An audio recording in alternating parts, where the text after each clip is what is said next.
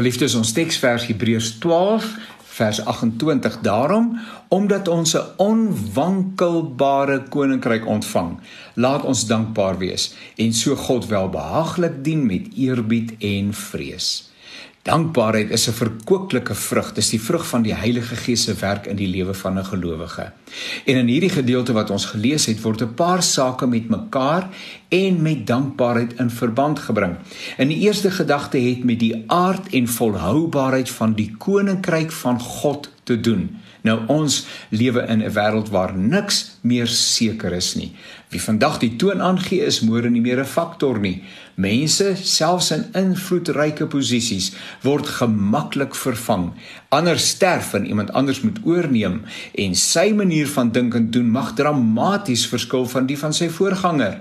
Leiers tree aan en tree uit. Samelewingsverbande word herrangskik. Die kabinet word geskommel as 'n eie tydse voorbeeld. Boris Johnson moet sy posisie as leier prysgee na sy middernagtelike partytjies tydens COVID-19. Sy opvolger hou enkele ure Koninkryke kom en gaan.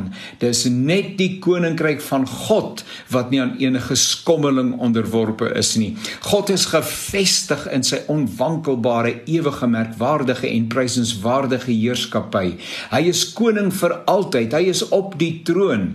Engele het gedurende die oergeskiedenis in opstand gekom en hulle moes hulle hemelse woonplek prysgee om vir ewig in die duisternis opgesluit te word.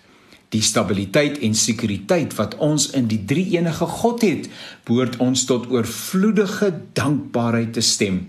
Maak nie saak wat gebeur nie. Ek ons wat glo behoort Niks en niemand kan ons uit sy hand uitruk nie. Vir tyd en ewigheid is ons veilig. Die verwagte uitkoms van hierdie geloofsversekerheid word in die teksvers aangestip. Benewens dankbaarheid eerbied vir God en sy soewereine heerskappy.